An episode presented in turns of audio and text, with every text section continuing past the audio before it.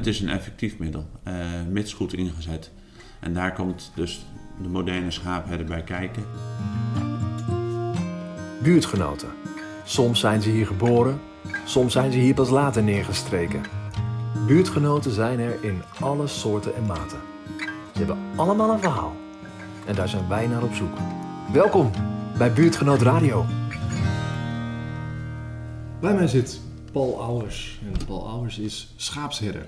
Dat vak bestaat dus nog, anno 2020. En ehm, ik ben heel benieuwd, Paul. Welkom trouwens. Dank je. Waarom ben jij schaapsherder geworden en hoe, hoe gaat dat eigenlijk in deze tijd? Uh, ik ben schaapherder geworden omdat het een, uh, een, een, hobby van me was. We zijn uh, in het begin begonnen met het werken met een, een border collie. een border collie is een, is een werkhond die voornamelijk gebruikt wordt voor het drijven van schapen. En zo ben ik in aanraking gekomen met, met het werk van schaapskuddes. Maar je had toen een ander vak en je had wel Ja. een hond. Ja. Begon het zo? Ja. ja. En wat, voor, wat voor vak deed jij eigenlijk? Ik zat in de landbouwmechanisatie, ik was eh, monteur. Juist. Dus het was wel eh En gelinkt. privé hadden jullie zo'n border collie? Ja, ja, en wat hobby schaapjes. Oh, die had je ook al? Ja, ja. eh, En, en jij komt, eh, komt van het Harde? Ja. En stonden die schaapjes hier ergens in de buurt? In Elburg, eh, in, eh, in het buitengebied. Oké, ja. Ja. En hoeveel waren dat er ongeveer? Tien. Oké, en, en kocht jij die border collie al met het idee van... dan kan ik iets met die schapen? Of is dat later pas eh, gekomen, dat, eh, dat plan? Nee, eh, we kochten echt de, de eerste border collie hebben wij gekocht met het idee om eh, aan het werk te zetten bij ons voor schapen. Ja. Ja. Maar dan heb je een, een kuddetje van tien schapen. Ja. Daar heeft zo'n border collie natuurlijk... eh, die lacht daarom. Die lachten erom, ja. ja. Ja. Die, eh, daar moest ik echt eh, ander werk voor zoeken. Ja. En, en zo is het eigenlijk gekomen. Zo zo is het gekomen, ja. We zijn gaan trainen met die hond. En eh, toen die kon werken, zijn, ben ik vrijwilliger geworden bij de schaapskudde in Ermelo. En dat werk vond ik zo leuk dat ik in aanraking kwam met mensen die het, een begrazingsbedrijf hadden. Dus daar een, een business in hadden. En Oké. Zo, Een begrazingsbedrijf. Dus de schapen werden ingezet om dingen kort te houden. Ja, de schapen worden als, als natuurlijke grasmaaiers ingezet. Eh, in verschillende natuurgebieden, in, in, op heidevelden, maar ook in stadsparken, dijken. Oh ja. Eh, alles wat eetbaar is, kun je de schapen inzetten. Waar, waar zijn ze gek op, die schapen? Voornamelijk gras. Ja, vinden ze lekkerder dan Ja. hij. Eh, niet zozeer, ja, nee. Gras vinden ze lekkerder als hij, maar ze hebben die hei, deze schapen hebben die hei net zo goed nodig om gezond te blijven. Oh ja, het is ook een soort goede eh, maaltijd bij Ja, elkaar. ja het is een, het is een, eh, de, de variatie in dieet houdt ze gezond. En eten ze nog meer andere dingen die je niet verwacht? Eh, paddenstoelen, eikels, eh, boompjes, eh dennennaalden. Dus ze komen wel aan hun eigen schijf van vijf. op Die Ja, manier. ja, ja. Ja, oké. Ja. Dus dat eten ze ook allemaal. Ja. Jij werkte bij dat mechanisatiebedrijf. En eh, langzaam maar zeker eh, kreeg je steeds meer een schaaptik. Ja, ik, eh, ik was vrijwilliger bij de schaapskudde in Ermelo en daar deed ik een aantal keren in het weekend de schapenhoeden. En ik had contacten binnen de, binnen de schaapskuddes en kwam in aanraking met een commercieel bedrijf. En daar wou ik meer van weten. Ik wou weten wat het verdienmodel was, waar, hoe zo'n bedrijf zich staande kon houden. En ehm, En inmiddels, ik weet niet hoeveel jaar we later zitten dan dat punt. Hoe lang is dat geleden? Dat is, eh, dat is al wel tien jaar geleden. Ja. Ja. Dus nu tien jaar later heb jij zelf eigenlijk zo'n bedrijf. Ja, En ja, een aantal eh schaapskuddes en, en herders. ja, op een gegeven moment toen zei die man van, eh, je hebt me zoveel gevraagd en zoveel weet je er nu van. Ik heb een vacature, wil je niet voor me komen werken? En toen ben ik als zelfstandig schaapherder eh, ben ik bij hem gaan werken. Ja. En dat heb ik een jaar gedaan. En toen heb ik mijn eerste kudde gekocht. En eh, had ik een, eh, een opdrachtgever hier in de buurt. Ja. En dat is inmiddels acht jaar geleden. En Maar een kudde kopen. Ja. Kun je zo'n, koop je zo'n kudde compleet? een, een grote groep schapen koop je, kun je Ja. compleet kopen, ja. Ja, oké. ik had een, Ze, wo- ze worden vanzelf een kudde. ja, nou, een goede herder maakt daar een kudde van, ja. Ah. Ja. En, en toen, was je, toen was je echt schaapherder. Dat was Toen was ik toen ook je droom. Ja, ja ik en, liep nou, ze- en nou ben je, zit je volgens mij vooral op kantoor. Eh, ja, mijn kantoor is nog wel buiten gelukkig. Maar eh, ik ben inmiddels... eh, hebben we eh, drie eigen schaapskuddes en heb ik één schaapskudde in onderaanneemschap. Eh, dus we, ik werk met vier schaapskuddes en die moeten gemanaged worden. De, mensen die moeten gemanaged worden en de opdrachtgevers. Dus de, die, eh, schaaps, de schaapskuddes worden, ge- worden, worden gemanaged. Het zijn ook wel nieuwe tijden. Vroeger liep hier ook schaapkuddes eh, rond. En dan denk ik ook met een herder erbij. Misschien ook wel wat hondjes. En dan, eh, dan gebruikten ze het wol. En af en toe werd er eens eentje geslacht. En eh, misschien konden ze er nog wel iets van, eh, van maken, van die schapen. Is dat ook hoe jouw eh, businessmodel in elkaar zit? Nee, dat is, dat is niet meer. Eh, vroeger waren inderdaad eh, de, de schapen was de, de melkkoe van de armen. En eh, die werden op de heide gewoon voorzien van hun voedsel. En de minst handige jongen uit het dorp die moest met de schapen op pad en s'avonds weer met de schapen terugkomen. Dat is niet meer. Ehm, wij hebben onze schaapskuddes nu voor het eh, natuurbeheer. Wij worden ingehuurd door eh, organisaties die, eh, door TBO's, terreinbeherende organisaties. En eh, die hebben vaak een, een, een probleem binnen hun terreinen die wij kunnen oplossen met schapen.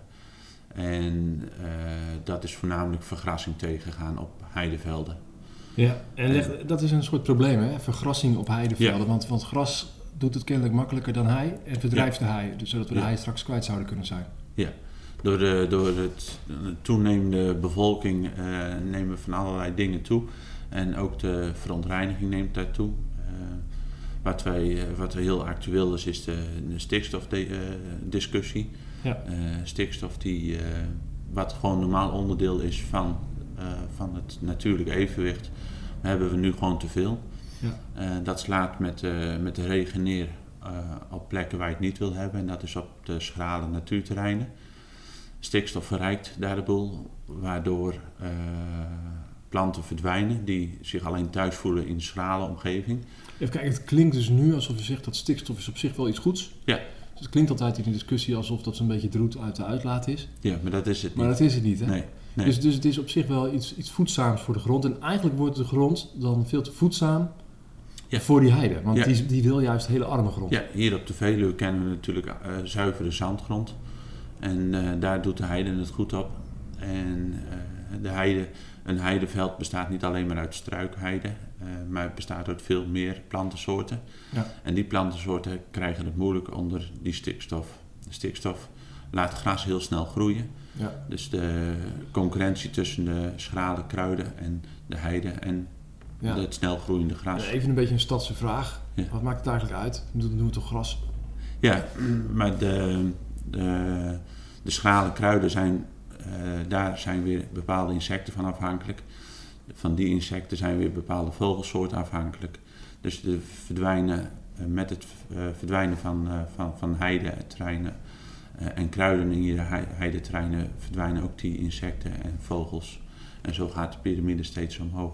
Dan houden we maar een heel smal Ja. soortenpalet over Ja, uiteindelijk. ja, en dat wil niet zeggen dat je alles schaal moet houden, maar juist de gebieden die zich lenen voor, voor deze schale vegetatie, Ja. die, die, ja, die moet je eigenlijk En zijn die, die, behouden. die, die schapen, die, eh, die eten altijd gras weg, zodat de hei toch nog tijd krijgt Ja. om eh, te groeien, denk ik. Hè? Zo werkt Ja. het ongeveer. Je, je grijpt in op de concurrentie tussen eh, de snel groeiende grassen en, eh, en de wat langzame, schralere kruiden.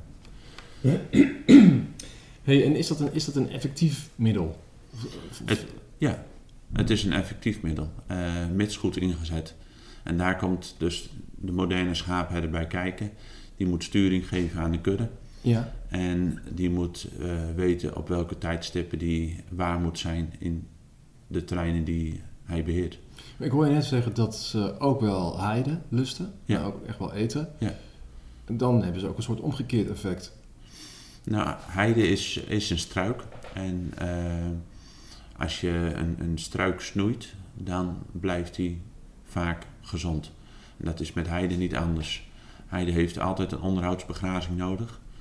Eh, een onderhoudsbegrazing wil zeggen dat je eh, de treinen zo onderhoudt dat ze in dezelfde staat blijven. En heide is daar ook onderdeel van. Zolang je heide begraast, dan eten ze elke keer de topjes uit, uit zo'n heidestruik. En zo'n heidestruik die wil dan weer nieuwe topjes aanmaken. Ja. En dat, daarmee hou je een Dus vitale het heide. begrazen van de hei is juist goed voor de hei. Ja. En het begrazen van het gras is eigenlijk ook goed voor de hei. Ja, ja. Want dat gras is geen struik en is maar, is maar een klein plantje en Ja. is dan gewoon... eh, En als je, daar moet de herder op sturen. ja. Ja. hey, en ehm, is dit eigenlijk gewoon de oplossing van de stikstofdiscussie? Nee, nee het, is, het is een bestrijding van de negatieve effecten van de stikstofproblematiek. En in percentages van hoe groot het probleem is in Nederland, welk, welk, welk percentage kunnen die schapen nou voor ons oplossen? Eh, niet, zo, niet zo groot. Nee. Eén of twee? Ja, dat denk ik, ja. ja. Ja. Nee, dit is, het is, het is een, een compensatie van de negatieve effecten. Het is geen, geen oplossing van het probleem. Nee. Eh, Dus de, de problematiek zit in de industrie en in de, in de eh, veehouderij. Ja. En, eh, Maar is dit nou, is dit geen, is dit verkapte folklore? Van we vinden het eigenlijk wel leuk om die schaapjes op de hei te zien lopen. Het ziet er ook echt schitterend uit. Eh, Ja. Ik was vorige week bij een van je kuddes en, en, en een van je herden in Elspet. En dan heb je eh, nog de, de heide bloeien. Ja. Het, was, het was helemaal begin september. Dan die witte schaapjes. De herder met zijn, dat zijn misschien ook wel border collies, die hondjes Ja, die hij had klopt. lopen. Hè, van die zwart-witte hondjes. Die daar zo fantastisch die, die, die kudde bijeen drijven. Dat is natuurlijk een prachtig plaatje. Ja. Maar eh, levert, het nou echt, levert het nou echt genoeg op? Het, eh, het plaatje, dat gebruiken wij uiteraard voor onze PR heel goed. Eh, wij, wij houden ervan om, om dat plaatje wel te etaleren. Ehm, maar het, het businessmodel is wel een... eh, het is dus ook een sobere manier van leven. Dus als je hard genoeg werkt, dan levert het voldoende op om van te leven. Het is een sobere manier van leven. Je bedoelt Ja. te zeggen van je kunt er niet zo gek veel mee verdienen. Nee, klopt. Nee. Want laten we eens naar dat businessmodel toe gaan. Eh, Helemaal in het begin van het gesprek, je zei er al van ja, vroeger had je gewoon wat die schaap jou eh, opleverde aan wol en vlees en melk. Ja. Nu is dat dus niet zo. Maar nu is er dus een van, uiteindelijk een of andere overheid, waarschijnlijk die via zo'n soort eh, onderhoudsdienst zegt van hier is een beetje geld. En dan Ja. moeten jullie zorgen dat het beter wordt met die hei. Ja, wij, we zijn dusdanig wel eh, een. eh, nou, de- een TBO die komt met een, met een, met een vraag. En, en wij mogen daar een plan voor schrijven. met eh, wat wij voor hun kunnen leveren. En dan kunnen wij zelf ook onze prijs bepalen waarvoor we het zouden willen doen. Dus we kunnen gewoon een offerte maken. Ja. Ehm, we werken vaak met meerderejarige contracten, drie tot zes jaar. En dat heeft te maken met de eh, provinciale subsidies die worden gegeven voor het onderhoud aan natuurterreinen. Ja. Die krijgt een TBO en een TBO die kan daar aannemers voor inhuren. Daar zijn wij een van de aannemers die op de hei werken. Ah ja. En, ehm, maar het is ook niet zo dat dat geld dus eh, onbeperkt beschikbaar is. Dus uiteindelijk krijg je wel een soort ehm, de hoogte van eigenlijk de hoogte van de subsidie vanuit de provincie aan de TBO's bepaalt. Ja. eh, voornamelijk eh, eh, hoe hoog onze offertes kunnen zijn. Dus je En- krijgt eigenlijk ook wel te horen van, eh, joh, je mag een prijs maken, maar eh, hij moet zeker niet hoger zijn dan dit of dit. Eh, eh, ja, zo zwart-wit stellen ze het nog niet. Maar eh, dat is wel vaak de achterliggende gedachte. Ja. Mhm. Dus en En is er dan nog flink concurrentie eigenlijk? Of, eh, hier in de buurt valt het mee. ah, Ja, ja. de Maar er zijn streken in Nederland waar je ook nog eens eh, Te maken hebt met concurrentie. Ja, de herders van je af moet slaan. ja nou, gelukkig hebben we de meeste onder, on- onderling eh, zijn de contacten vaak goed. Maar het is inderdaad hoe dichter je op elkaar zet, hoe meer nou ja, last tussen aanhalingstekens. idee hoeveel van die herders, dan heb ik het dus, dus niet eens over de bedrijfjes, maar hoeveel die herders er zijn in Nederland? Eh, ja, ongeveer wel een idee, want we, we hebben ook een brancheorganisatie en die eh, heeft één keer per jaar een contactdag. En eh, daar komt gemiddeld eh 100 tot 120 man op af. Ja. En dat zijn allemaal collega's van elkaar dus. Hey, en je bent dus afhankelijk van subsidie. Dat is soms ook een beetje hoe de wind staat met subsidies. Ja. Heb jij het gevoel van ik heb een duurzame business te pakken? Onze business is heel erg afhankelijk van de relatie die we hebben met onze opdrachtgevers. Ehm, als ehm, de subsidie wegvalt vanuit de provincie, dan zou een organisatie dat uit eigen middelen moeten gaan betalen. En dan moet je dus de nut en noodzaak van je werk moet duidelijk zijn bij die organisatie. En dat doe je door heel erg uh, in contact te blijven met je opdrachtgevers en ervoor te zorgen dat de resultaten die je behaalt, dat die ook daadwerkelijk vastgelegd worden. En dat ze, de organisatie dat ook zelf inziet.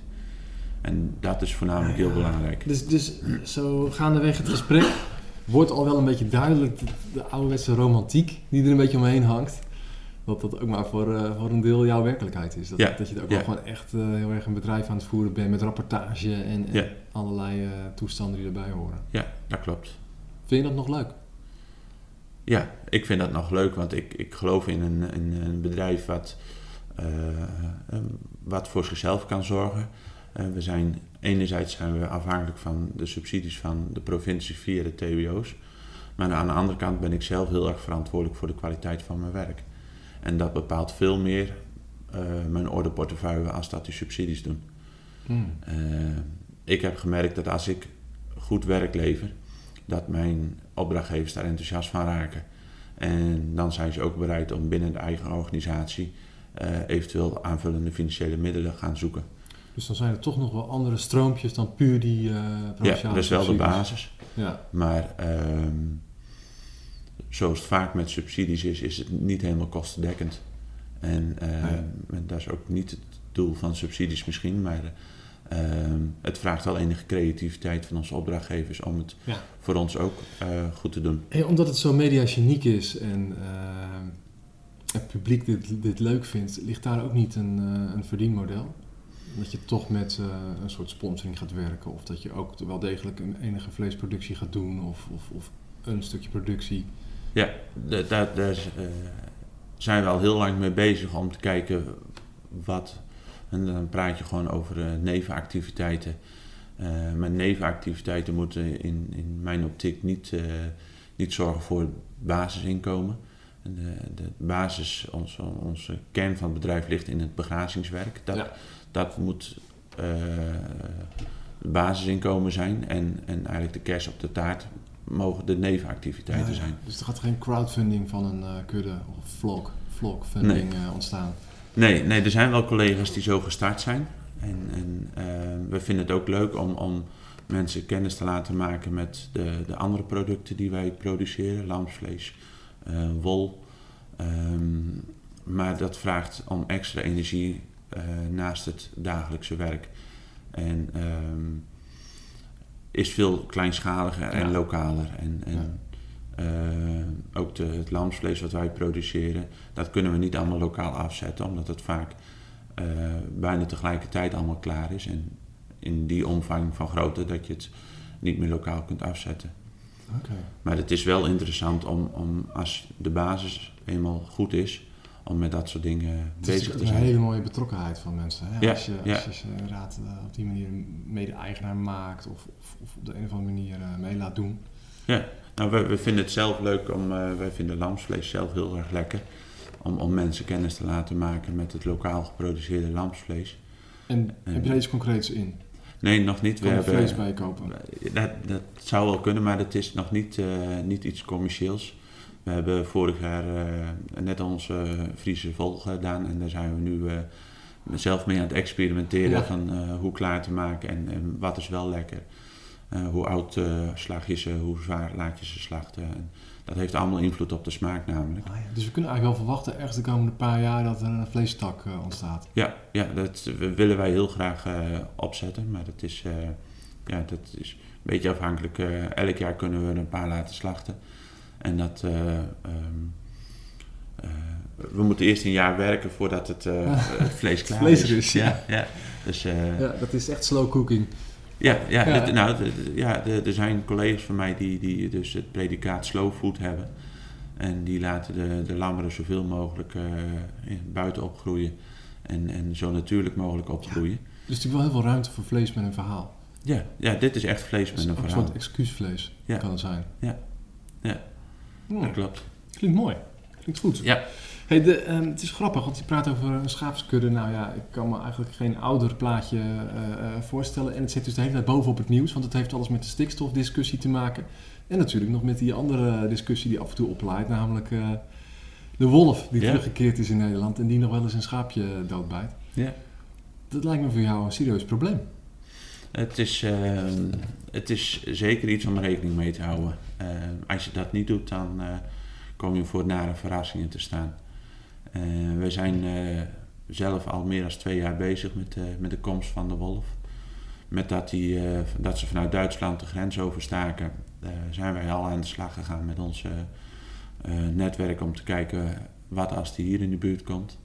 En twee jaar geleden hebben, hebben, heeft er zich dus een wolvenpaardje op de Noord-Veluwe gevestigd. Ja. Op de Zuid-Veluwe zit er ook inmiddels een. Limburg zit er een, Brabant zit er een. Eh, maar wij hebben natuurlijk te maken met, de, met het wolven-echtpaar eh, wat op de Noord-Veluwe eh, eh, huist. En eh, vorig jaar een nest heeft gekregen en dit jaar een nest heeft gekregen. En de gevolgen daarvan... eh, Hoeveel lopen er dus nu rond in ons eh, gebied? men praat over eh, eh, het mannetje en het vrouwtje. Eh, vorig jaar een nest van vijf jongen, waarvan er één dood is gereden in Epe. Dus daar zouden er nog vier over, kunnen blij, over zijn gebleven. En dit jaar hebben ze vier jongen geteld. Dus bij elkaar opgeteld maximaal tien. Juist. En die wolven komen die eigenlijk tot in, ons, eh, in onze gemeente, in ons gebied? Eh, ja, de, de, onze, Dan heb ik het dus over, eh preek even namens Elburg en, en Oldenbroek eigenlijk. Of ze zo ver eh, terugkomen zakken, weet ik niet. Eh, maar ze blijven tot nu toe in, het, eh, ja, in, in de bossen en in de heidegebieden. Komen ze over de A28? Nee, tot nu toe niet. Eh, de wolf, wolvenjong die vorig jaar dood is gereden, die is op de weg tussen eh, Emst en Nunspeet doodgereden. Dus als je de knobbel overgaat bij de rotonde eh, naar links, is die, is die doodgereden. Ah ja, En, dus dat is de, de meest, de Dellen. ja, ja het begin van de dellen. Ja. Ja. En, Moeten wij nou bang voor ze zijn? Want het is natuurlijk ook Nee. zo'n... we wandelen daar met onze kindjes. Nee, nee daar, geloof ik, daar geloof ik helemaal niks van.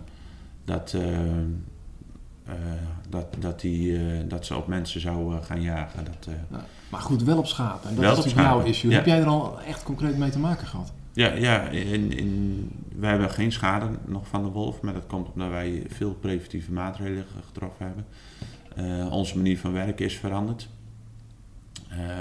We waren gewoon om de schapen achter een 90 centimeter hoog eh, net van stroomdraad te zetten in het terrein. En die elke twee dagen te verplaatsen. In de wat?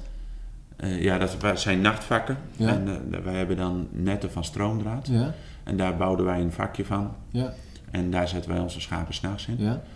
Ehm, nu hebben we netten van 1,20 meter. Oh ja. Dus die zijn een stuk hoger geworden. En we verplaatsen ze niet zoveel, omdat we meer aandacht moeten besteden om die netten goed te zetten. Eh, en dat wil zeggen dat een, met die 90 centimeter netten eh, zetten we om de, die zetten we neer om de schapen binnen te houden. En nu zetten we 1,20 meter netten neer om de wolf buiten te houden. ja, het wordt meer een bescherming. Ja, ja. En, het, en de draad moet strak aan de grond staan, het moet goed rechtop staan.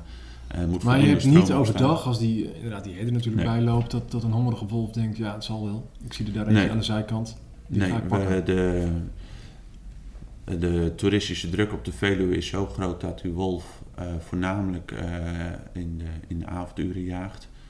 En eh, dan zijn dus de meeste mensen van de, van de hei af. Ehm, en dat zal voorlopig nog wel zo blijven. Ja. Wat, wat vind jij eigenlijk? Is er een plek voor die wolf in Nederland?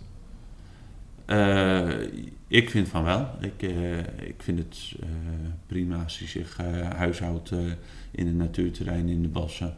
En daar waar we het andere wild ook een plek gegeven hebben.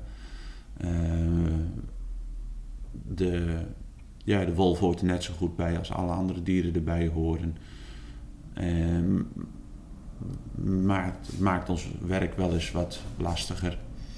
En dan is het voornamelijk een economische schade wat je dan zou hebben. Ehm, maar dat vind ik geen reden om, om dan zou, tegen... eh, jij, wil hem wel een, eh, jij wil hem wel een kans geven. En wanneer, eh, wanneer heeft hij zijn kaarten verspeeld, die wolf? Kan dat moment komen? Nou, ah, vorige week eh, zijn er dus twee incidenten geweest in, in Epe, in het landbouwgebied. Dus dan is hij buiten, buiten het natuurterrein is hij zijn voedsel gaan zoeken. De jongen van dit jaar die, die krijgen nu jachtles van, hun, eh, van hun ouders en, eh, en eh, broers en zussen. En eh, ja, dat maakt dus dat ze...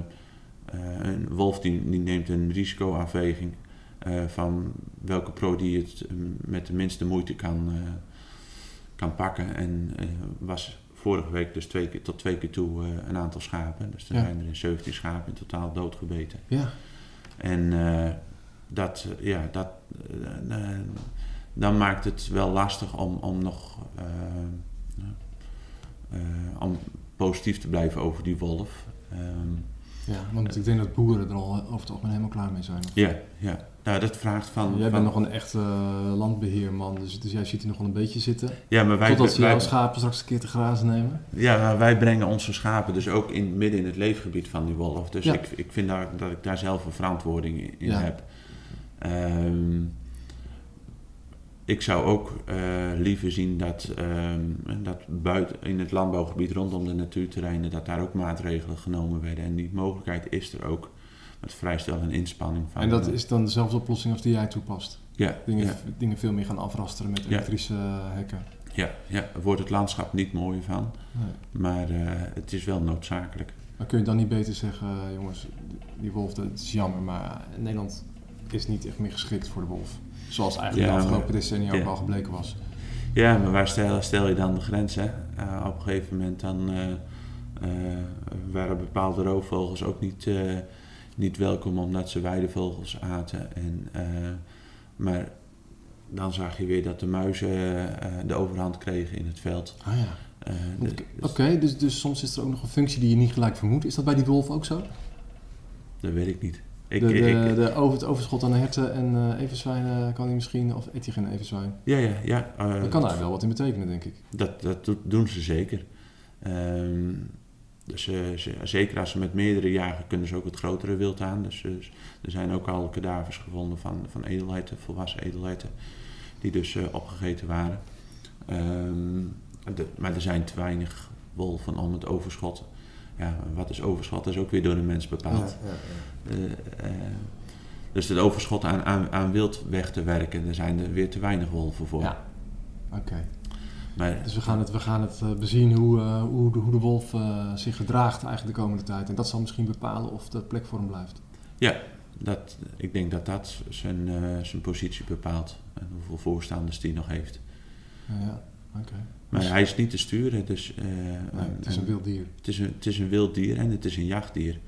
Het, het wild wat we nu als mensheid beheren, de- het zwart wild en het rood wild, dat zijn prooidieren. Dus die zijn makkelijker te sturen als een, als een roofdier. Ja. Nou, we gaan het gesprek maar eens even samenvatten. Ja.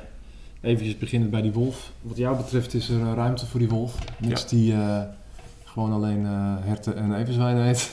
Van de schapen afblijft. Ja, ja.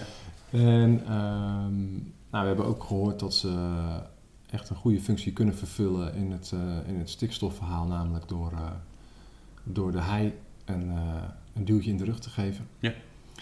En dat jullie eh, tegenwoordig als herders eh, het niet meer moeten hebben van wat die schapen produceren, maar veel meer van de subsidies die de overheid daar tegenover zet. En toch ben je ook wel aan het nadenken over hoe de schapen eh, op, een, op bijvoorbeeld het schapenvlees te verkopen valt en hoe daar ook een stuk betrokkenheid met mensen te creëren is. Ja, ja. En eh, eigenlijk mogen we wel verwachten dat ergens de komende jaren daar een, eh, dat vorm gaat krijgen. Als, eh, als wij een goede basis hier in de buurt kunnen behouden en verder ontwikkelen, dan, Ja. dan Dus- komt dat zeker. De schapenman Paul, Paul Albers, tien jaar geleden begonnen met zijn kudde. Eindigt hij straks wel weer in de landbouwmechanisatie? Of, Ik denk het niet. Nee, ik denk dat, eh, dat ik tot, eh, tot het laatst toe eh schaapherder blijf. Kijk, dat klinkt als iemand die eigenlijk vastberaden is. Ja, en, en ik zie de toekomst wel zonnig tegemoet, maar het gaat met vallen en opstaan. Dat, Met die wijze woorden Ja. zijn we aan het eind gekomen. Bedankt Paul voor je, voor je verhaal en heel veel succes met de schapen. Ik denk dat heel veel mensen uit de buurt eigenlijk erg van ze genieten. Dus ga zo door. Mooi. dankjewel. Jij thuis bedankt voor het luisteren. Uh, er zijn nog veel meer interviews uh, van de buurtgenoten. Als je naar debuurtgenoot.nl gaat, dan kun je ze ook allemaal vinden. Dus tot de volgende keer.